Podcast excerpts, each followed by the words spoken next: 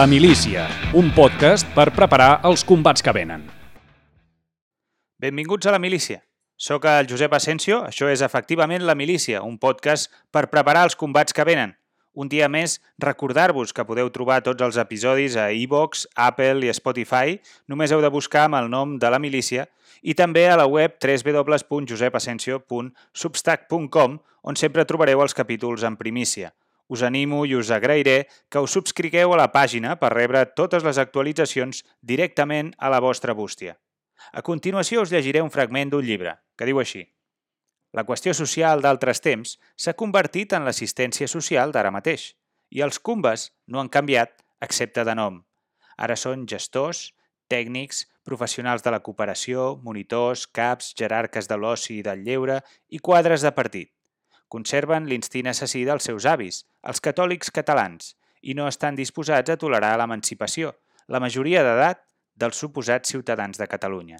Ens volen cuidar, i es volen cuidar que no hi hagi cap altra sortida que la mort social per tots aquells que encara no han entès que hi ha uns líders en els quals cal delegar el vot i l'ànima perquè són millors persones, superiors i altruistes, que treballen per nosaltres i per erradicar els mals, exteriors i interiors, que amenacen la comunitat.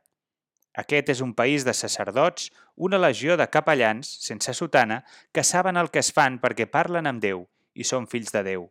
Els individus desemparats es tornaran bojos i cauran, si abans no es suïciden, a les urpes de casals i cases d'acollida quan hagin descobert que dir la veritat suposa l'ostracisme final. I la veritat, senyors, és que a Catalunya els porcs volen i tapen el sol. És només una mostra del llibre pamflet que cap a 2005 va escriure el periodista i escriptor Oriol Malló, afincat ja aleshores a Mèxic, que es titula Confessions d'un cumba ressentit.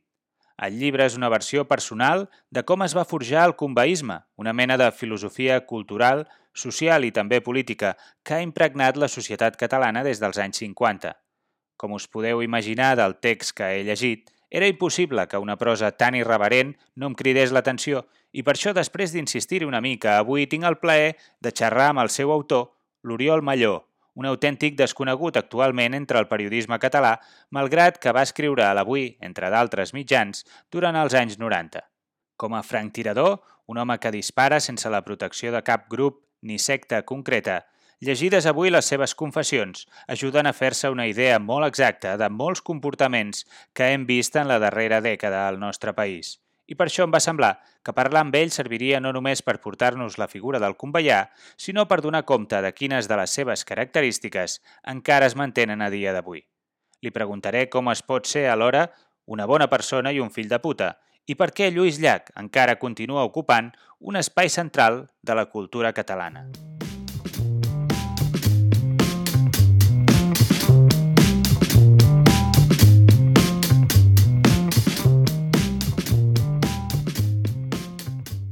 Oriol, benvingut a la milícia i gràcies per atendre la meva trucada.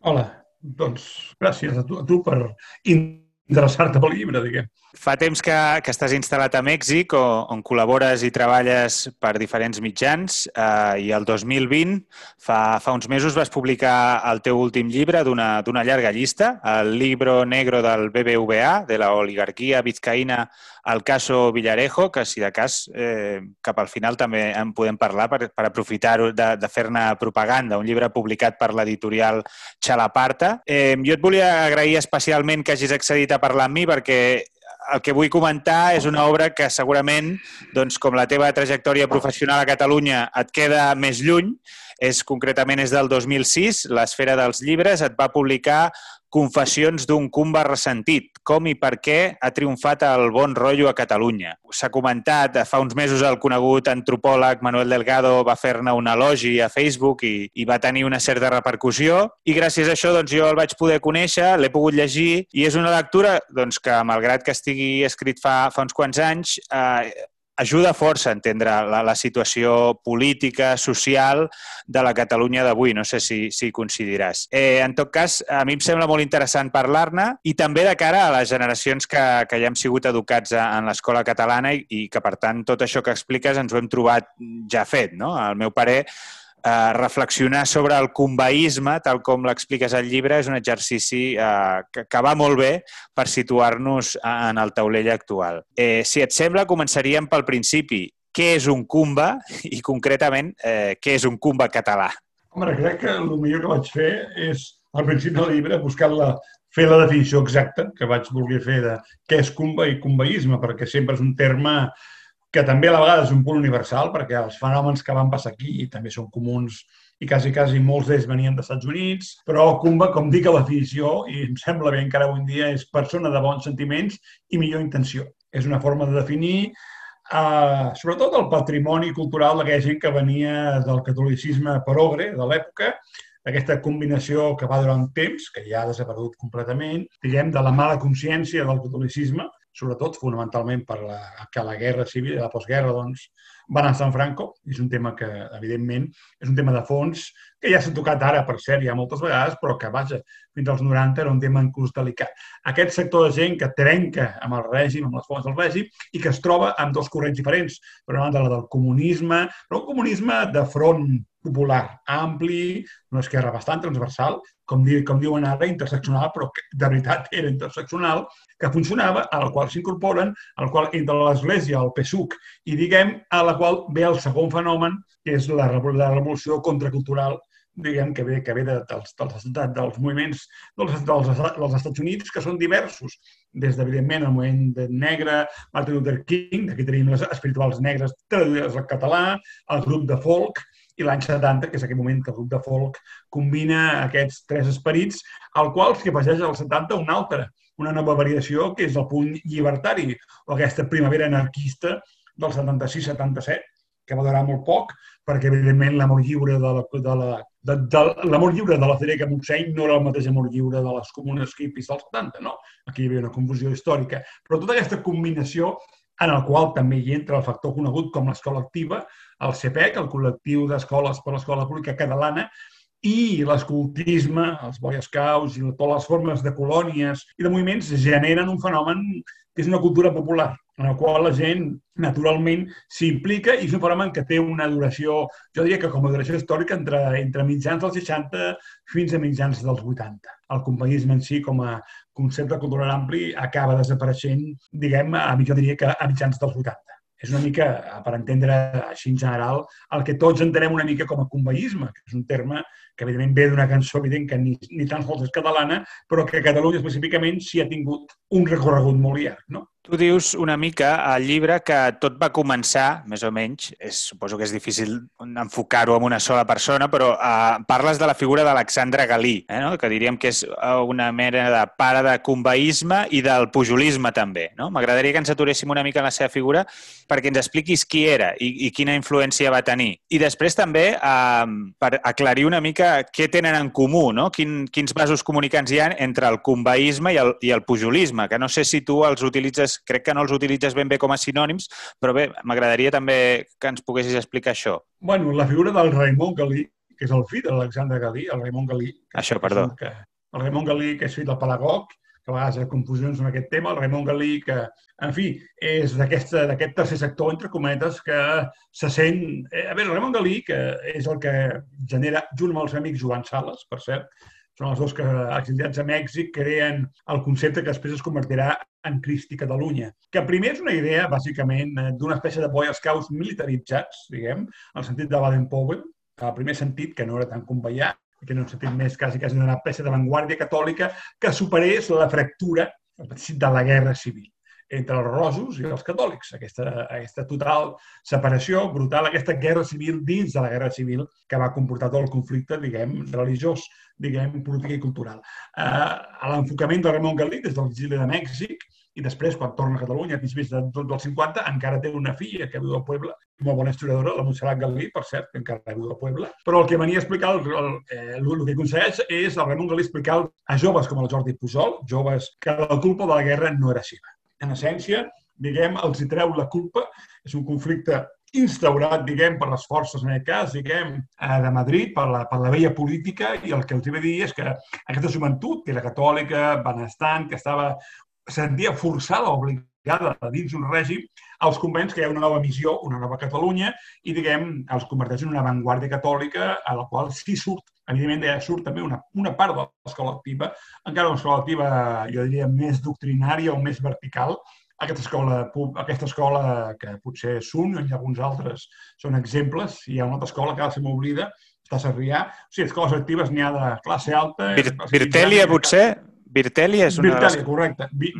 Virtèlia seria l'exemple i que eren, no eren tan horitzontals, no eren tan, no eren tan assembleàries. Aquest, aquest petit món que el Galí descobreix i salva del seu pacte amb el franquisme és el que també, ara bé, aquí cal dir, no, conveïsme no és el Ramon Galí, Ramon Galí de conveïant tenia molt poc. Tenia una idea vertical, militarista en molts casos, una vanguardia catòlica i burgesa que clarament inclús apostava per una idea que molt complexa que l'Enric Usalai de Cal va intentar explicar en un llibre caòtic que es diu El imperialisme català, que Catalunya tenia una missió a complir dins de domini, com per dir-ho simplificant, no?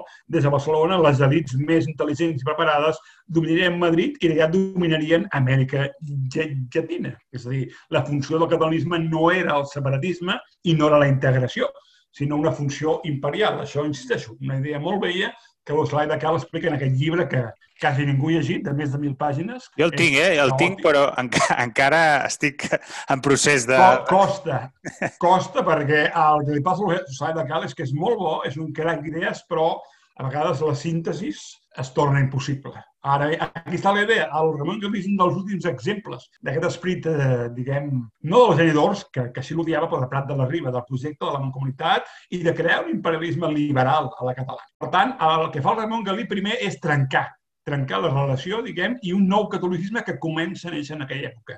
El que ve després no li agradaria molt eh, al Ramon Galí, no li va agradar mai, de fet, el conveïsme, diguem, però perquè ell sempre veia aquest sentit de la pèrdua de la virilitat, de la capacitat i de la direcció del grup dirigent, no li agradava gens, i menys combinar-se amb comunistes i coses així, perquè era d'una tradició anticomunista clàssica i, per tant, de forma popular no en volia saber res. Però, en tot cas, és un principi, perquè el que en essència aconsegueix és la idea que Catalunya vam perdre tots la guerra. Vale, Això és... és el que permet... Digue'm.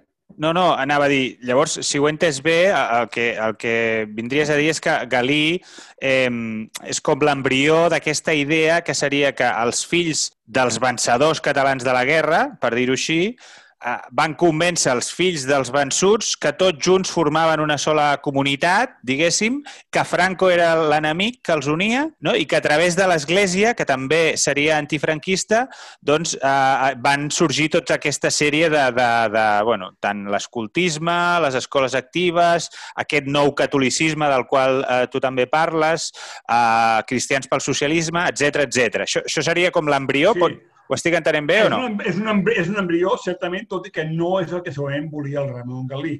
Però l'embrió va funcionar bé, va crear una, un espai cultural i social nou, que, és clar, evidentment, això es va pensar als anys 50. Encara no teníem el concili Vaticà II, que també va canviar tot a nivell mundial. Als 60 rebassen, o de pas en el Ramon Galí. El, món del, el Ramon del Galí era un món molt més d'ordre, però als anys 60, primer, el Concili Vaticà II trenca les regles de l'Església Catòlica, per tant, s'obre un món nou. Els caus, de fet, neixen en aquesta època. La, la idea dels moviments com de joves, moviments obrers dins l'Església, tot això neix a partir del Concili quan l'Església decideix fer l'ajornament aquesta unió amb el món del treball, inclús amb el món de les esquerres, que és el que passa amb el Gran Concili Vaticà II. Això no li agrada a Raimon Galí en aquest sentit, el pujolisme, tot i que si fa una cosa important, el que sí aprèn el Pujol és el trencament simbòlic amb el franquisme. Els fets del Palau de la Música són això, naturalment. És a dir, és, això sí que és potser el llegat, l'exemple del que volia Ramon Galí, no? Que un burgès eh, emergent, com era Jordi Pujol, trenqués públicament no? amb el franquisme i anés a presó, quasi com qui diu voluntàriament, va ser una part molt important i és cert que va començar a donar, per exemple, si el pujolisme va suplogar diguem, des de l'enciclopèdia catalana i intel·lectuals, després tots variats després, com, com, però sí va crear un paraigües també cultural que si, si afegim l'Església i afegim també el PSUC, no oblidem mai, eh, l'exemple més clar d'això cristal·litza en coses que jo vaig viure personalment a les primeres escoles actives. Eh, jo vaig a una escola de barri, que és el Barrufet, a Sants, mm. i evidentment els mestres eren exactament d'aquesta doctrina. Hi havia una part que venia d'un món diguem, inclús d'un primigeni sionisme català, per cert, molt important, gent del PSUC de tota la vida, hi havia Joan Lluís López del Castillo, un mestre molt conegut del Partit Comunista, diguem, hi havia gent purament catalanista, és a dir, era aquesta combinació diguem, i de tècniques doncs, del Piaget, del Frenet, una mica de Freire, el que, o sigui, aquest naixement de les escoles actives eh, que vam començar nosaltres, Barrufet va començar l'any 67 i altres van començar a la mateixa època, ja combinava aquestes tradicions que potser 10 anys abans eren incompatibles, no? Fa 10-15 anys potser sí hi havia un Virtèlia, però un Virtèlia era encara, malgrat tot, una escola catòlica. Ja, per exemple, Barrufet ja no és catòlica, ja no hi ha hi ha un catalanisme, hi ha idees progressistes, però ja no hi ha cap factor de, de religió, com si hi havia al Virtèlia, per exemple. No? Per tant, el conveïsme neix, bueno, el vam viure la gent que vam que vaig néixer l'any 67, a l'any 70-71 ja vivíem immersos en aquest món, incloent-hi, a més a més, les formes culturals que es van donar en aquests temps, no? Des de, insisteixo, la nova cançó, el grup de folk, el Romer, les matinals del Romer, el cavall fort, és a dir, moltes coses que naturalment van crear un món, una cultura molt pròpia i diguem que, que vam viure la generació que vam néixer, jo diria, en aquests moments ho vam viure d'una forma completa. No? Hi ha generacions una mica més antigues que, que ho van començar, però nosaltres ja vam néixer, diria jo, en aquest món, que és el principi del conveïsme. Si et sembla, llegiré un, un fragment i després eh, m'agradaria que, que me'l me comentessis i ja et dic. Eh, sobretot també la, la meva idea és que, que alguns, alguns conceptes que van sortint eh, els puguem desenvolupar per algú que jo mateix, eh, molts d'ells eh, doncs, se m'escapen una mica, no? entre altres raons perquè no he, no he tingut potser eh, l'educació a nivell religiós, per exemple, doncs que, que, que, que m'omplirien de contingut tot, tot això. No? Tu dius, dius el conveïsme va ser el temps dels falsos profetes perquè el veritable missatge que temps enrere també havia entès el cristianisme popular va ser pervertit pels cumbes. En lloc de matar o reprovar els seus pares sanguinis i putatius i denunciar la injustícia, la maldat i la il·legitimitat dels franquistes catalanistes, del montserratinisme i de tota la institució eclesiàstico-social que protegia i educava la joventut, van decidir tirar-se directament a la demagògia de passo catamboli i fer causa de coses que no qüestionaven per res el poder moral i real dels fariseus, convertint-se ells mateixos en nous fariseus que predicaven la santedat de la comunitat, és a dir, dels pares i de la pau, en lloc de treure les espases i arrencar els caps dels seus progenitors espirituals que havien traït des de temps immemorials les ensenyances de Crist. És com si tu fas, al llarg del llibre, almenys si, si jo ho he entès bé, vas com els manuals d'història, bueno, més o menys eh, propagandístics o no, el que fan és, és explicar-nos aquesta història de la burgesia catalana que va pactar amb el franquisme, i després no, a, la, a, la, a les classes populars que van patir tota, tota la repressió, etc etc. No? Hi ha aquesta, com aquesta divisió. Però, en canvi, tu eh, eh, incorpores un element que, que ho, bueno, ho explica d'una forma diferent. No? Tu fas com una divisió entre montserratins, per dir-ho així, o catòlics i cristians. No? Aquest, aquest element de cristianisme popular versus eh, el catolicisme. No? I això potser, eh, no sé si, bueno, si ens ho podries desenvolupar una mica perquè per algú que no, no estigui avasat a aquesta idea, si, si ens la poguessis explicar. Bueno, mira, és que el primer que cal dir d'aquest llibre és que jo el que vaig fer és un pamflet. Un pamflet en el terme estricte com feien els francesos, diguem, el pamflet és un gènere que França ha portat, diguem, el seu extrem lògic, i a partir d'uns autors que, per cert, els que millor feien pamflets. Hi ha un grup polític d'extrema dreta, naturalment, l'Acció Francesa, l'Acció Francesa, que tenia alguns noms, Charles Maurras, Léon Daudet, que jo vaig llegir, jo recordo a la Biblioteca de Buenos Aires, l'any 96, vivint a Argentina, me'ls vaig llegir tots per estudiar-los. Després li vaig passar al Vallcorba, per cert, diversos llibres, perquè ell era un fanàtic de l'acció francesa. De fet, el Jaume Vallcorba, ell sí era un reaccionari de l'acció francesa, només que camuflava, no? Però me'n recordo passant-li cromos de llibres de l'època que jo vaig recopilar quan vaig estar vivint a Buenos Aires. I llavors, què, té, què tenen aquests autors? Bàsicament, un pamflet significa és portar un argument a l'extrem i, per tant, abusar tranquil·lament de, diguem, de les paraules i forçar un llenguatge beligerant i dur sense manies.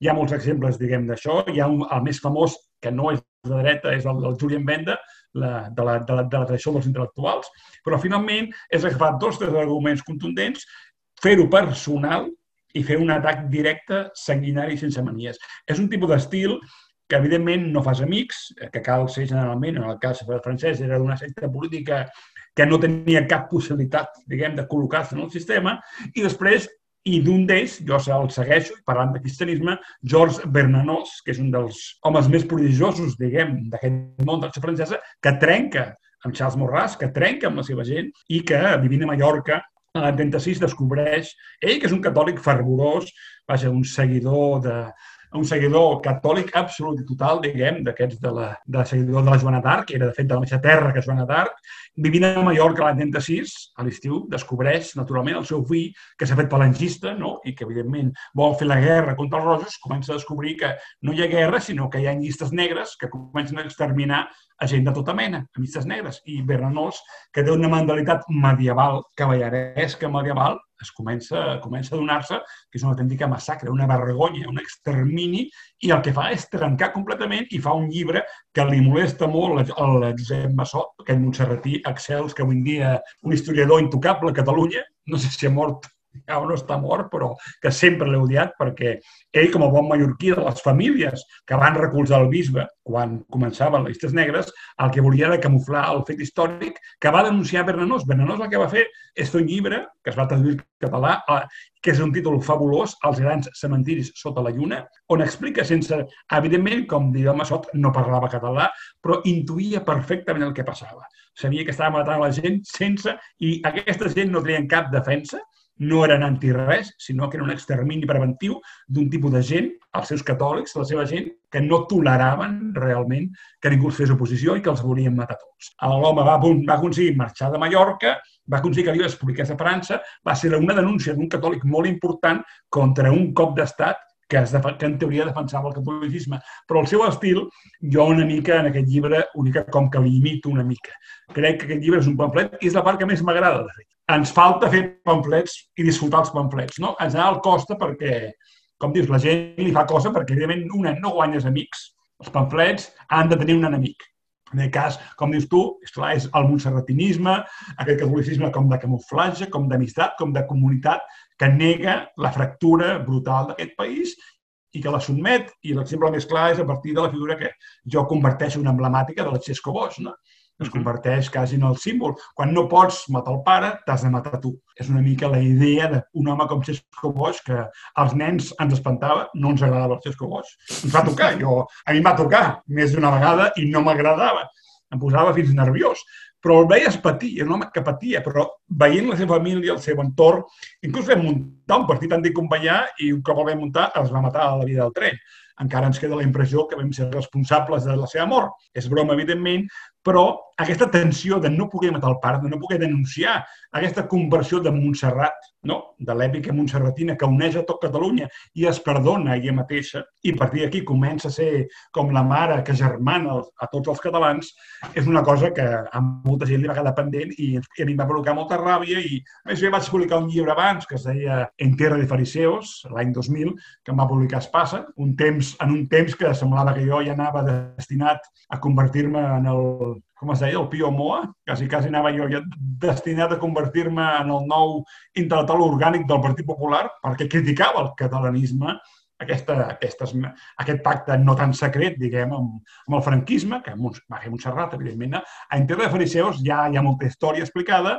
però després, evidentment, ens vam barallar amb tota aquesta penya del Fèlix de Sua, del Boadella, del Joan Juaristi, i per tant no vaig publicar més d'Espassa Calpe, però en tot cas allà tenia jo informació jo havia estudiat molt bé el fenomen del montserratinisme, del catalanisme, també vaig un llibre sobre el Tarradellas. Tarradellas és un personatge interessant a vegades, a vegades no tant, però si alguna cosa tenia era l'obsessió que l'Església estava massa, massa fotuda en política i que Montserrat feia coses que no havia de fer. En aquest sentit, això ho tenia clar. I, per tant, diguem, en tots aquests elements vaig acabar fent confessions d'un compart sentit, que és una mena de despedida i un homenatge, diguem, no un homenatge, és una gran, una gran foguera personal que vaig escriure des de Mèxic, sabent, per cert, que ni tornava a Catalunya ni realment ja tenia molt a fer. Perquè per, per fer un pamflet ben fet has de saber que perds amics per sempre. És a dir, aquest llibre, si, si, el, si el, aquest llibre per sort ningú el va llegir, però si, si algú hagués volgut al teu temps llegir-lo i discutir-lo, m'hauria tancat totes les portes per sempre més. Per tant, no, no, no, és, quan el vaig escriure és perquè ja sabia que, no, no, que es, que es nota, vull dir que té, una, té, té un element personal que això també és el que li dona una mica, eh, bueno, que té, és eh, l'atractiu que té, no? perquè al final parles de, de, la teva, de la teva experiència personal. Ara, quan estaves explicant tot això, eh, també m'ha vingut en ment eh, una, una expressió que fas servir, no? que és que a mesura que el missatge aquest de, de Galí, no? que Franco és el mal i que a partir de, de l'antifranquisme doncs, pot aglutinar uh, una sèrie d'actors no? que, a més a més, doncs, uh, es perdonen entre ells no? per, ser, per ser els fills de, dels guanyadors, tot va esdevenint com més místic, dius, no? I llavors eh, aquests quadres, aquests futurs quadres, tant de socialistes com de convergents, perquè a més a més doncs, això també ho expliques molt bé, que, que al final és com una sola família, eh, havien de salvar el país i havien de salvar el cristianisme, no? I, i llavors eh, et volia preguntar què, què, significa salvar el país no? Pel, pels Cumbes? Què, què volia dir això exactament? Ah, bueno, aquí, aquí és curiós perquè, a veure, això suposo que ens, ens porta el 2017. És a dir, primer hi ha, hi ha una comunitat que se salva a si mateixa, que s'agermana, que oblida el passat i es transforma i comparteix uns codis culturals. És a dir, eh, qualsevol, el conveïsme eren moltes coses. Eren també cançons, eren llocs sagrats, eren místiques, eren noies, era el primer amor, eren poemes eh, mal fets, eren sí, milers de coses que funcionaven i si venies d'una escola activa, que eren, eren bastantes, bé, bastantes, unes 40 o 50 als anys 70, doncs ja sabies els codis. Després, com dius, van anar passant o transferint-se, diguem, a molta més gent, però també és cert que ja van anar perdent la, la, com la cohesió interna. Però si una cosa quedava clara, i aquí s'ho relaciona amb el 17, és que d'alguna manera hi havia una mística i hi havia una màgia. I la màgia s'explica, això no estava al llibre perquè no ho podia pensar, s'explica en el processisme. Eh, és a dir, la màgia de que estem tots units i si tenim raó, perquè estem posseïts per la raó i perquè així són les coses i perquè estem agermanats per la idea, ens hauran de donar la, la raó. Això consisteix a acabar l'1 d'octubre, naturalment, la consulta, el que va passar, la repressió, però que, evidentment, aquest full de ruta arribaria naturalment perquè la comunitat sagrada venia per si mateixa, convençuda i, a més, amb una voluntat d'agermanar a tothom que volgués venir i apuntar-se, seria suficient.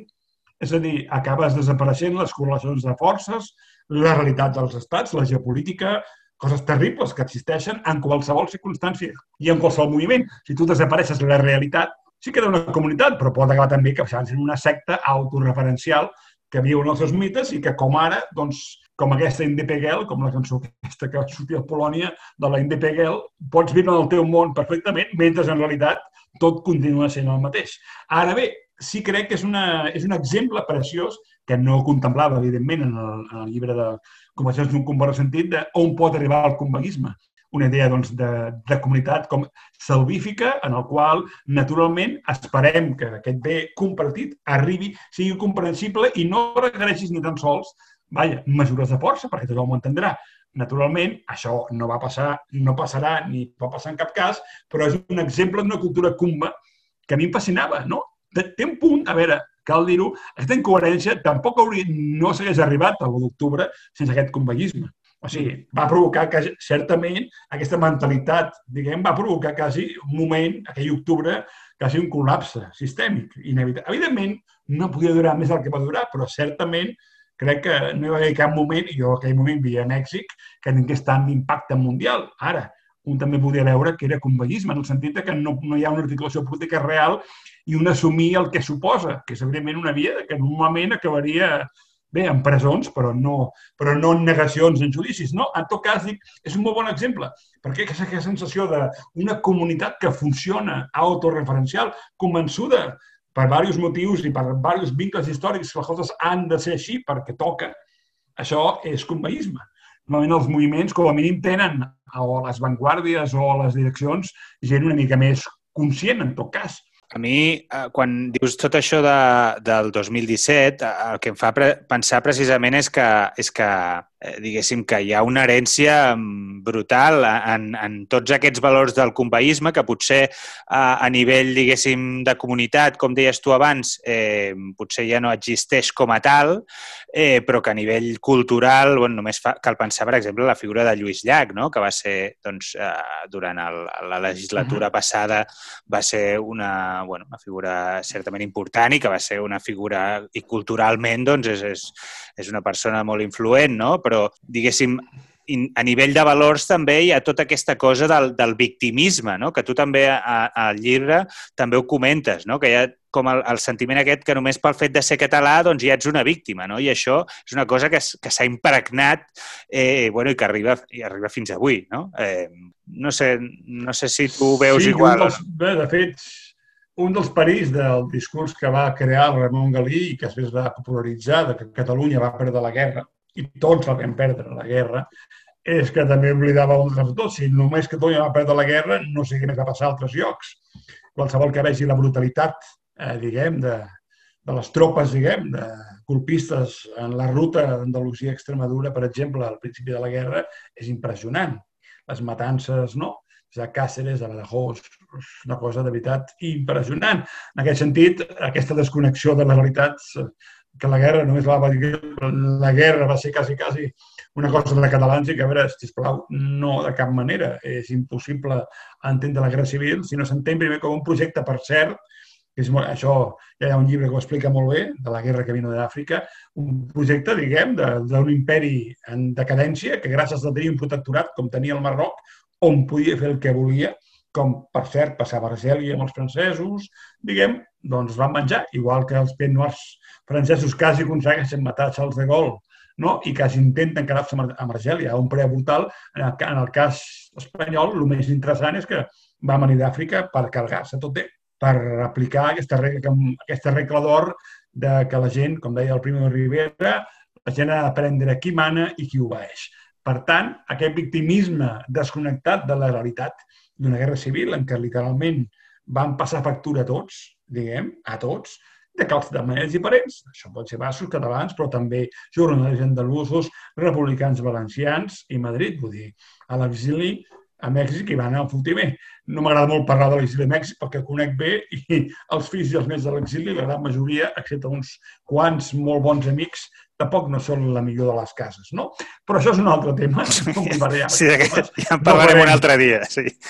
No, no en parlarem mai perquè ja dic que pots, en la vida pots fer un pamflet, però no en pots fer quatre o cinc perquè pots perdre molts amics i tampoc pots perdre amics a tot arreu ni cada dia. Però dit això, i a més si tinc molt bons amics, la veritat, és que em van pagar tots un preu altíssim. I aquest victimisme català específic, a veure, si el portes a l'extrem, eh, arriba un punt que realment no, no té cap sentit. I, eh, i aquest victimisme, a més, un victimisme, bueno, doncs els quartos, el que ens heu dit i a la vegada que ens tenen un odi ancestral, doncs està bé, però has tenir un projecte més enllà, diguem, inclús si tu vols presentar. Jo ja fa anys que no estic a l'independentisme i ho miro tot, han estat molt, molt des de fora. La veritat és que jo, com que vaig passar per totes les banderes, com li, com li comentava un amic de Salaparta, jo he sigut independentista, catalanista, espanyolista, i al final m'he fet mexicà i he solucionat el problema. No? Ara ja la meva única bandera és la que tinc a Mèxic, en el procés d'avui dia, però ho miro de fora, però em sembla evident que aquest victimisme és una cosa que afecta perquè, a més, impedeix també aterrar en la realitat, no?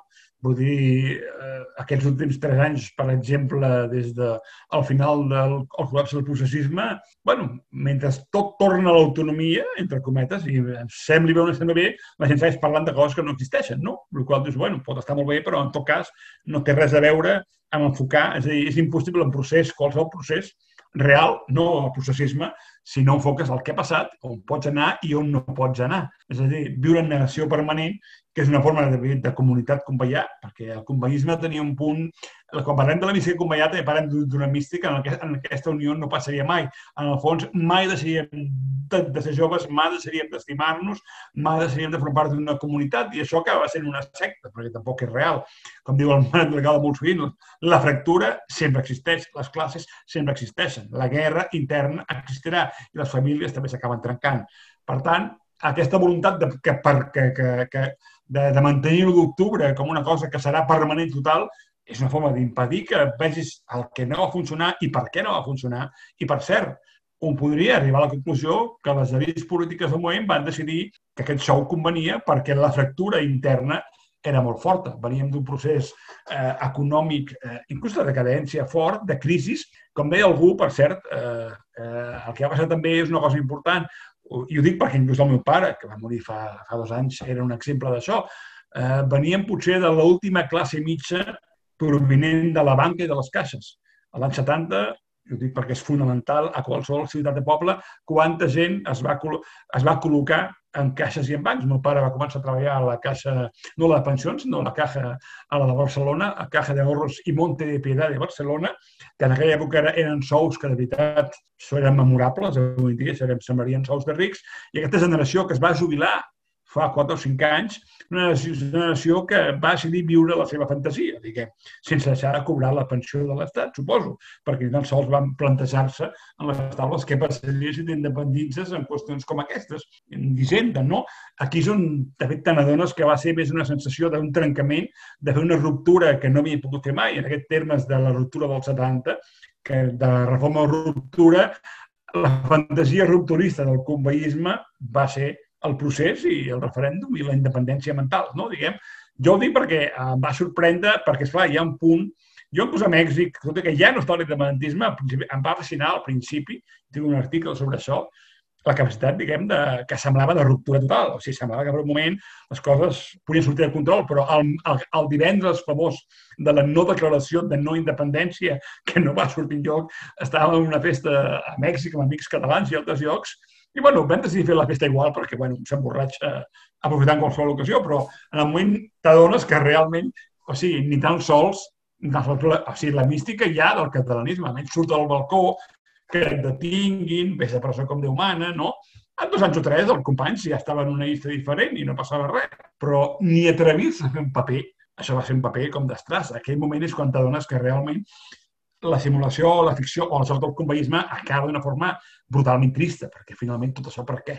Per què aquest show, si al final del dia ni tan sols podies tenir els ous per fer un paperet? El diari oficial de la Generalitat no va existir mai, ningú tinc la bandera i la gent a fora esperant. I hi ha gent que em sembla que es va quedar així. Hi ha gent que es va quedar aturada en el temps, en la mística del moment, i que, bueno, inclús aquestes eleccions, en lloc de donar-se que realment són unes eleccions autonòmiques regulars, potser millor que tornin a parlar d'autonomia del que fet dins d'autonomia, perquè mentrestant estan vivint dins d'autonomia. Ara, com tu dius, i aquí és un punt, potser sí que en aquest cas l'herència conveïà és impressionant, perquè és una mística també que nega el conflicte, la fractura i la realitat, i per tant permet viure d'aquest sou, portem vivint d'això tres anys, ja no existeix, però la gent segueix vivint d'això. Hi, ha, hi ha una altra cosa que també em va cridar l'atenció, perquè se sent molt, eh, no sé si segueixes molt l'actualitat, si dius que estàs una mica desconnectat, però eh, se sent molt lo de ser bones persones, no? Som els bons, les bones persones, i hi ha un fragment que, si em permets també, el, el llegiré, és més curt que el d'abans, que diu així, diu, si alguna cosa ens va ensenyar l'escola activa és a odiar l'esfera pública, la polis, el contrari de la comunitat, que executa bocs expiatoris i es redimeix així dels seus pecats. Simplement, els fills de Rosa Sensat som hereus de religions antigues, del canibalisme al catolicisme i són per això mateix uns hipòcrites de calample. Som millors només perquè vam aprendre, això sí, les armes de la propaganda, la demagògia i el discurs de la germanor, quan en realitat no tolerem que ens vegin la fusta de fills de puta, traïdors i ressentits, però bones persones. Sempre, sempre a punt. No, que té aquest, aquest, aquest punt de, de, de pamfletisme que, que deies tu, però em va, fer gra, em va fer gràcia perquè no, vull dir, com, com, com, es pot ser un fill de puta però bona persona, saps? Perquè això de les bones persones... Uh, això de l'hipocresia és un paràmetre. L'hipocresia sempre el confonem amb cinisme. bueno, per començar, deixa'm acabar de dir que això, això que acabes de llegir és com es fa un pamflet. Així sí, sí, sí. Els pamflets, per això no es fan gaire, perquè tampoc és molt recomanable perdre amics a cada minut. Però després d'això, a veure, la hipocresia eh, és el pitjor dels pecats, entre cometes, inclús una persona que no m'agrada gens, però que té algun fragment interessant, la Hannah Arendt ho deia, el cínic, un cínic, pot ser també un criminal, el que vulguis. La diferència és que un cínic sempre sap que està mentint. Ho fa perquè li interessa, o per calés, o per poder, i té aquesta capacitat típica que l'últim minut, abans de l'afusellament, si toca, almenys fins i tot pot sopar amb ell i riure, perquè en el fons tot el que volia era poder. L'hipòcrita s'enganya ell mateix es convenç que realment té bones intencions i que el que fa sempre és el millor pels altres. Per tant, és incapaç de cap crítica, és incapaç de veure's al mirall i dir, hòstia, m'he equivocat, potser sóc un fill de puta, potser sí m'he equivocat, o fer alguna malament. I si hi ha alguna herència, per cert, d'aquest estil, que queda a Catalunya molt interessant, és aquest món de les ONGs. No hi ha res més hipòcrita que les ONGs. És a dir, una mica igual que l'Església als bons temps, diguem, eh, de l'imperi, no? de l'espada i la cruz. L'Església s'encarregava de dir que no calia que hi hagués esclavitud, però n'hi havia cada dia i es feien el paper, diguem, de, de pensar un món millor, de vendre un millor món molt millor, que no existiria mai, però, diguem, a la vegada complementaven l'imperi.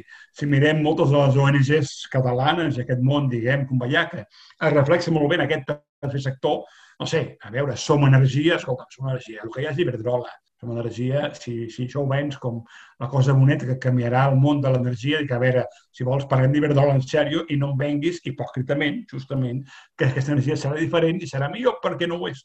Una petita distribuïdora que no canvia en res l'essencial d'aquest monopoli privat de l'energia que patim d'aquí fa més de 100 anys. I amb això també, en el tercer món, no? sinó coses que siguem solidaris entre iguals, moltes coses que em vinguin a explicar com els negrets d'Àfrica o els mexicans el que hem de fer o el que no hem de fer, perquè ells ho saben millor i són bona gent i tenen la tècnica. Això és de, des d'Ox Oxfam i hi ha un fultimer d'ONGs que es dediquen, diguem, i, per exemple, el típic sentiment neosapatista, no? que va fructificar molt, diguem, diguem a Barcelona als anys 90, com deia el llibre, pràcticament un no podia ser res, no podies ni lligar si no era zapatista als 90. Però realment no hi ha una contribució a una economia política, no hi ha una contribució a res, però et sents part de la Pachamama, diguem, et sents part d'un món pur i tu ets l'intermediari, perquè, a més a més, ja no hi ha estat. Els estats et molesten perquè els estats doncs, poden tenir els governs, poden tenir exigències, poden tenir demandes d'igualtat. En aquest món, diguem, de xapes, la ONG pot seguir donant, diguem, a la comunitat, el caragol sabatista, però en realitat, diguem-ne, seguirà sent part d'aquesta estructura imperial i de negocis. A on hi ha Iberdrola també hi ha una ONG. A on ataca el càrtel espanyol, que és un dia que vaig fer jo el 2011 explicant, diguem, la reconquesta econòmica, on hi ha una ONG, hi ha una empresa també energètica van combinats. Ara bé, així com Iberdrola, o l'empresa energètica, almenys són cínics, bueno, està, vendran la revolució verda, però en realitat quan es veuen en un president cara a cara no li diran que ho fan per Mèxic o per salvar la gent amb la seva energia verda. És un negoci. En canvi, les ONGs, des de Greenpeace fins a Oxfam i les que vulguis, sí creuen realment que ells salven la humanitat. Llavors, aquesta tendència que Catalunya va ser predominant, es complica i es torna molt pesada quan al damunt, diguem, et sermonegen, no? I, evidentment, si hi ha alguna pres dels pobles oprimits, és que tampoc tens cap dret a fer-ho, no? En aquest cas, és una herència concreta, diguem, del compaïsme, que aquest món del tercer sector Catalunya és molt fort i de l'ONG en viuen. I l'ONG, per cert, viu de l'Estat i dels meus impostos s'ha convertit en una espècie d'església alternativa. I també tenen la hipocresia que tenen els capellans. Que sí. a, cada, a cada temps històric hi ha un tipus de personatge que és l'hipòcrita consagrat.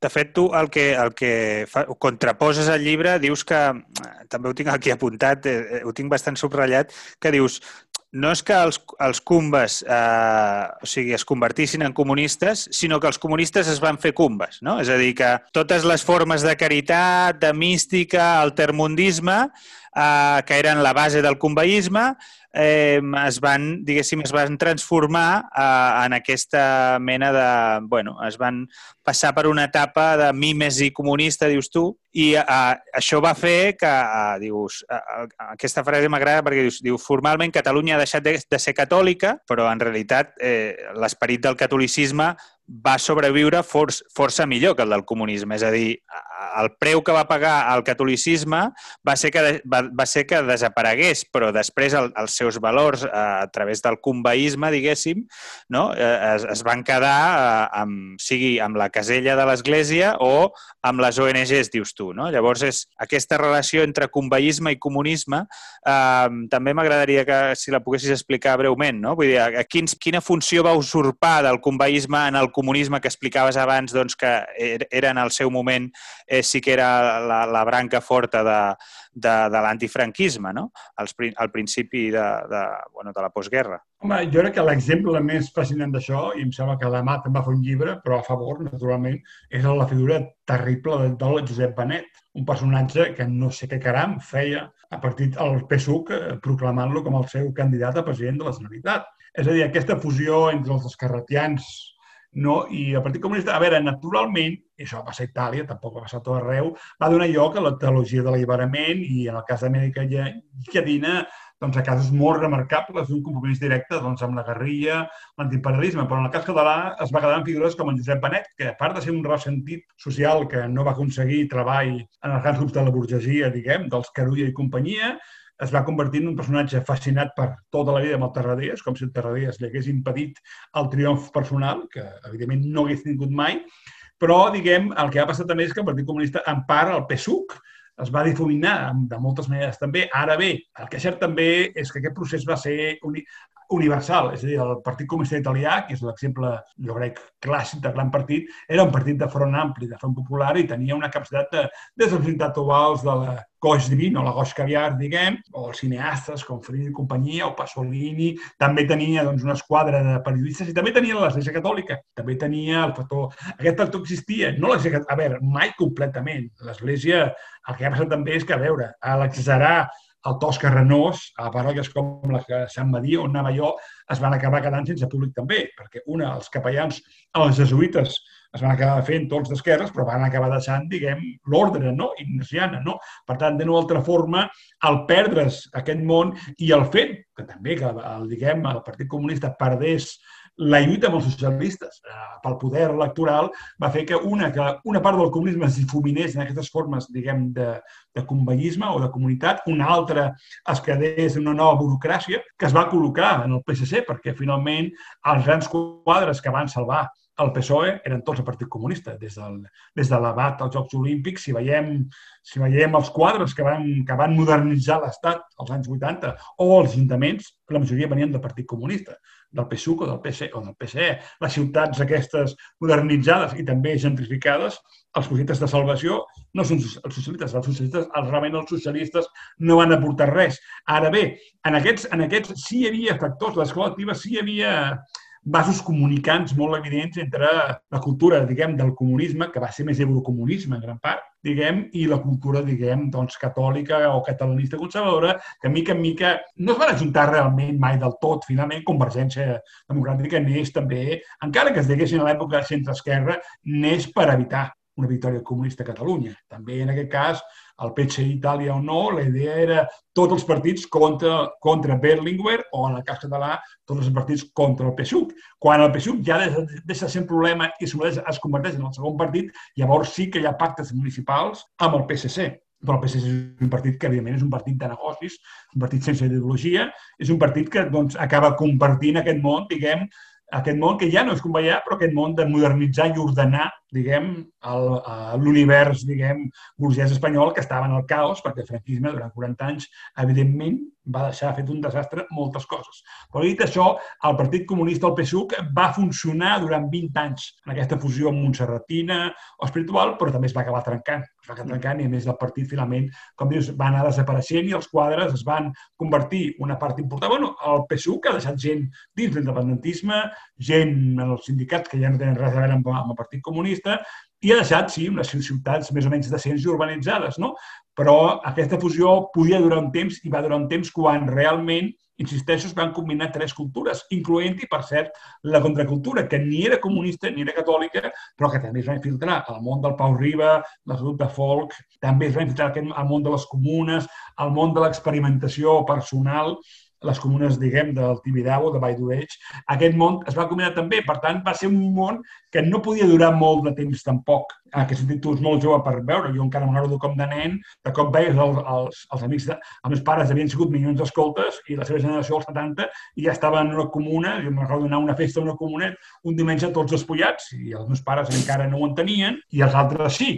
Llavors, és un món caòtic, però el que sí queda i és la part que crec que és curiosa i interessant, és que quan reapareix aquest món que semblava perdut en el processisme i en el món, del, en el món de la independència mítica, encara té una força impressionant. Per això, com, com, com tu dius, no es pot renunciar al Lluís Llach. És el Lluís Llach dels 70, continua sent el referent en el segle XXI.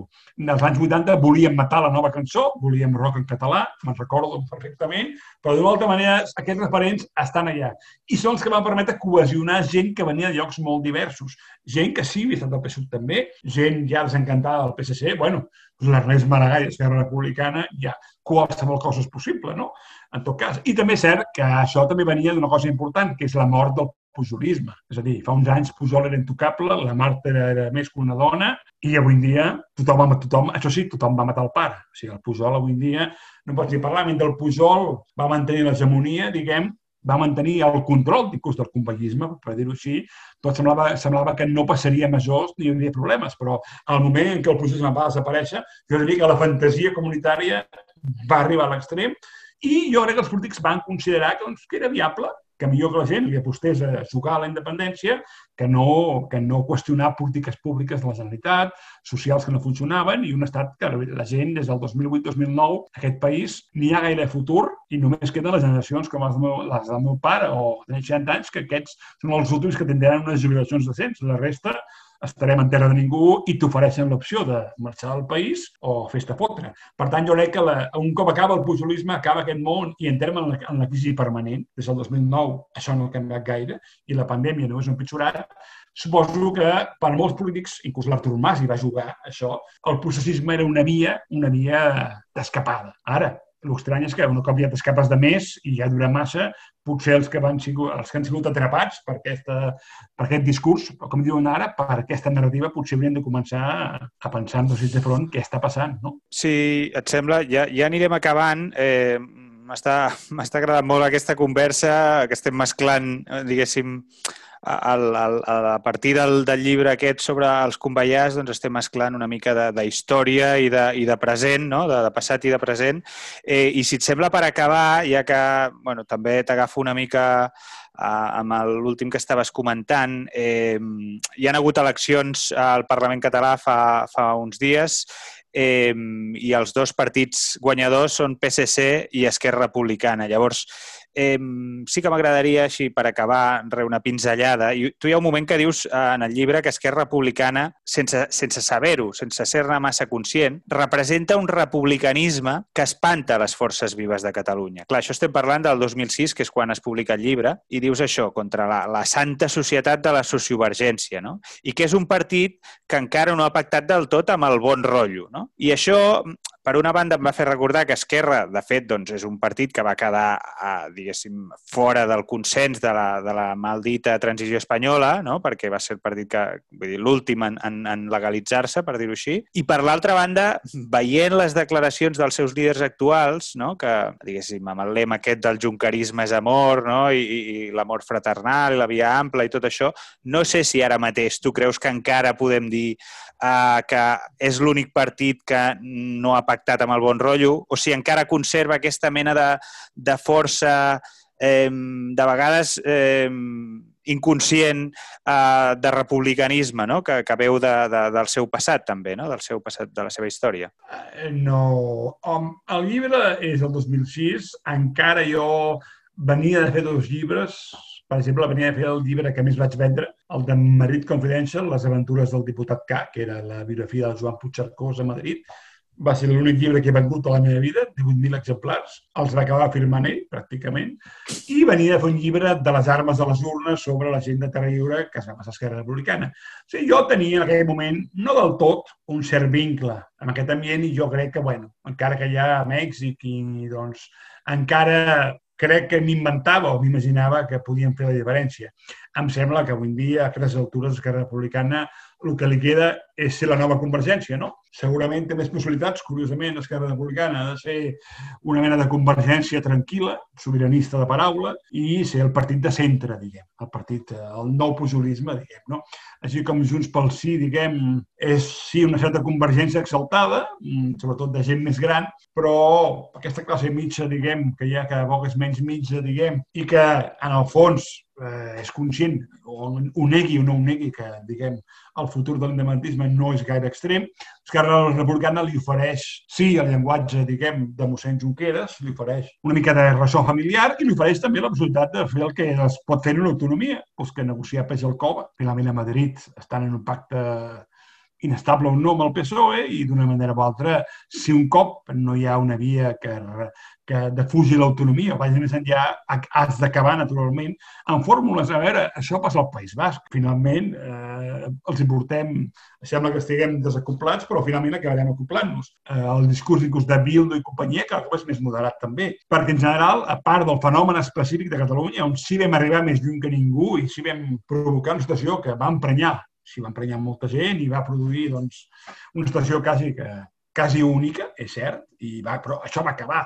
Per tant, el problema és que per reacomodar les coses, jo penso que la gent el que vol és seguir vivint en negació però tornar al peix del cova. És a dir, si hi ha un govern ara d'Esquerra Republicana en el qual al final recolzi Junts pel Sí o els comuns o qui sigui, no, Vox em sembla que no, perquè ja no toca, hi ha un límit, suposo, o aquests acords que permetin a un senyor que més, eh, es diu Pere Aragonès, es diu Pere Aragonès, però t'ho juro que aquest tio no sé ni si algú té carisma, no és ell, no? Eh, si alguna passa per ser és que, a més, alguna cosa ha passat molt interessant. L'únic que sí ha produït el conveïsme i el processisme és un populisme antielitista. Ara, realment, qualsevol pot ser diputat. Això és veritat. És una de poques coses que, honestament, ha passat, ha passat a Catalunya. A l'haver trencat simbòlicament, però també certament dins dels partits, Vull dir, el PDeCAT ja no existeix, o sigui, acaba de desaparèixer i és la vella convergència. O sigui, el PSC ha aguantat perquè el PSC té una altra base un altre funcionament, és un partit, jo diria, d'administració d'estat de tota la vida i no és tan fàcil que desaparegui. I a més, els comuns o Podem doncs, no va fer la feina per rebentar-los i ha acabat sent la nova Esquerra Unida. Però en el cas del catalanisme, si és cert, crec que és l'únic fruit del processisme, és que ha produït un recanvi de l'ins impressionant. Ja no hi ha ja no hi ha la gent que m'anava abans. I la gent nova que hi ha, potser tampoc és que diguis que són Can Maravella, eh? no estic dient en general que diguis, puta, quina emoció, quina nova classe política, però és cert que hi ha hagut un recanvi brutal. En realitat, en aquests últims 4 o 5 anys, qualsevol ha pogut accedir a una posició mínim parlamentària. I, bueno, mira, tal com estan les coses, algú és algú, diríem, no? Però dit això, Esquerra Republicana, el que deia, el que deia el 2005, segur que ja no és vàlid. Igual ja no ho era abans, tampoc. Però mira, un tenir les amistats, com diem, los apegos emocionales, però, evidentment, i vist de la distància, el que li queda a Esquerra és recuperar un espai socioverger, entre cometes, sense deixar de dir que ells també són independentistes, que més o menys és el que un mica l'estil rufian, no? El mala... I acabar sent un esqueix de Polònia permanent, no? Que, bueno, que per això dona la cosa. Ara, el que puc assegurar, un fantàstic canvi de leads, però que no canvia res perquè, clar, no és suficient.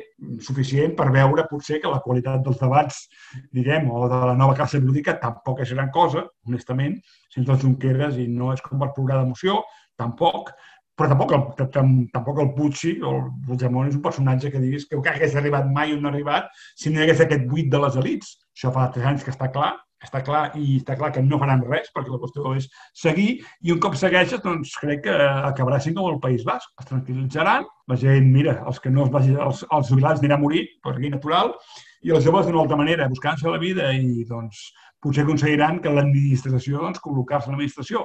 El que passa, la diferència, és que a diferència dels anys 80, on el pujolisme va tenir la capacitat d'obrir la cartera i crear funcionaris a tot arreu, i per tant recuperar-se del cop de la gran crisi econòmica dels 70, que va ser brutal, quants mestres es van col·locar, quants es van col·locar a TV3, no? Quanta gent va aconseguir feina? Això ara ja no hi és. Ara el màxim és col·locat al Parlament, però un lloc de funcionari ara mateix és molt complicat. Ja no estem en, en els temps beneïts dels 80, que es feien comprar voluntats i almenys tothom menjava.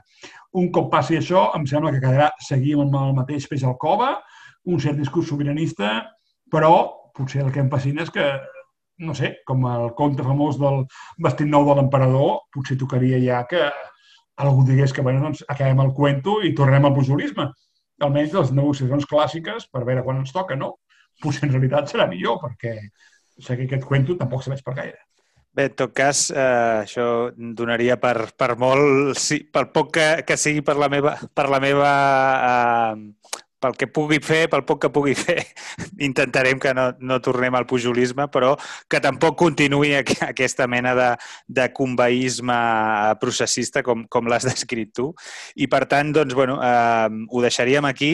T'agraeixo molt eh, que hagis eh, volgut xerrar una estona amb nosaltres, bueno, amb mi, i que, i que hagis eh, compartit doncs, aquestes idees i aquest mm, ensenyament que ens deixa el teu llibre.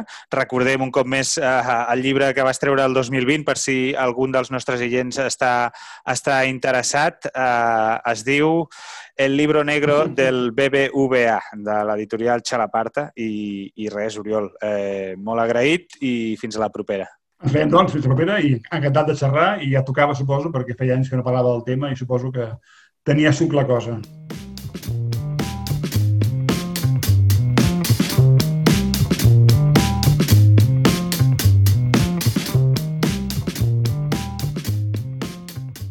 La milícia, amb Josep Asensio.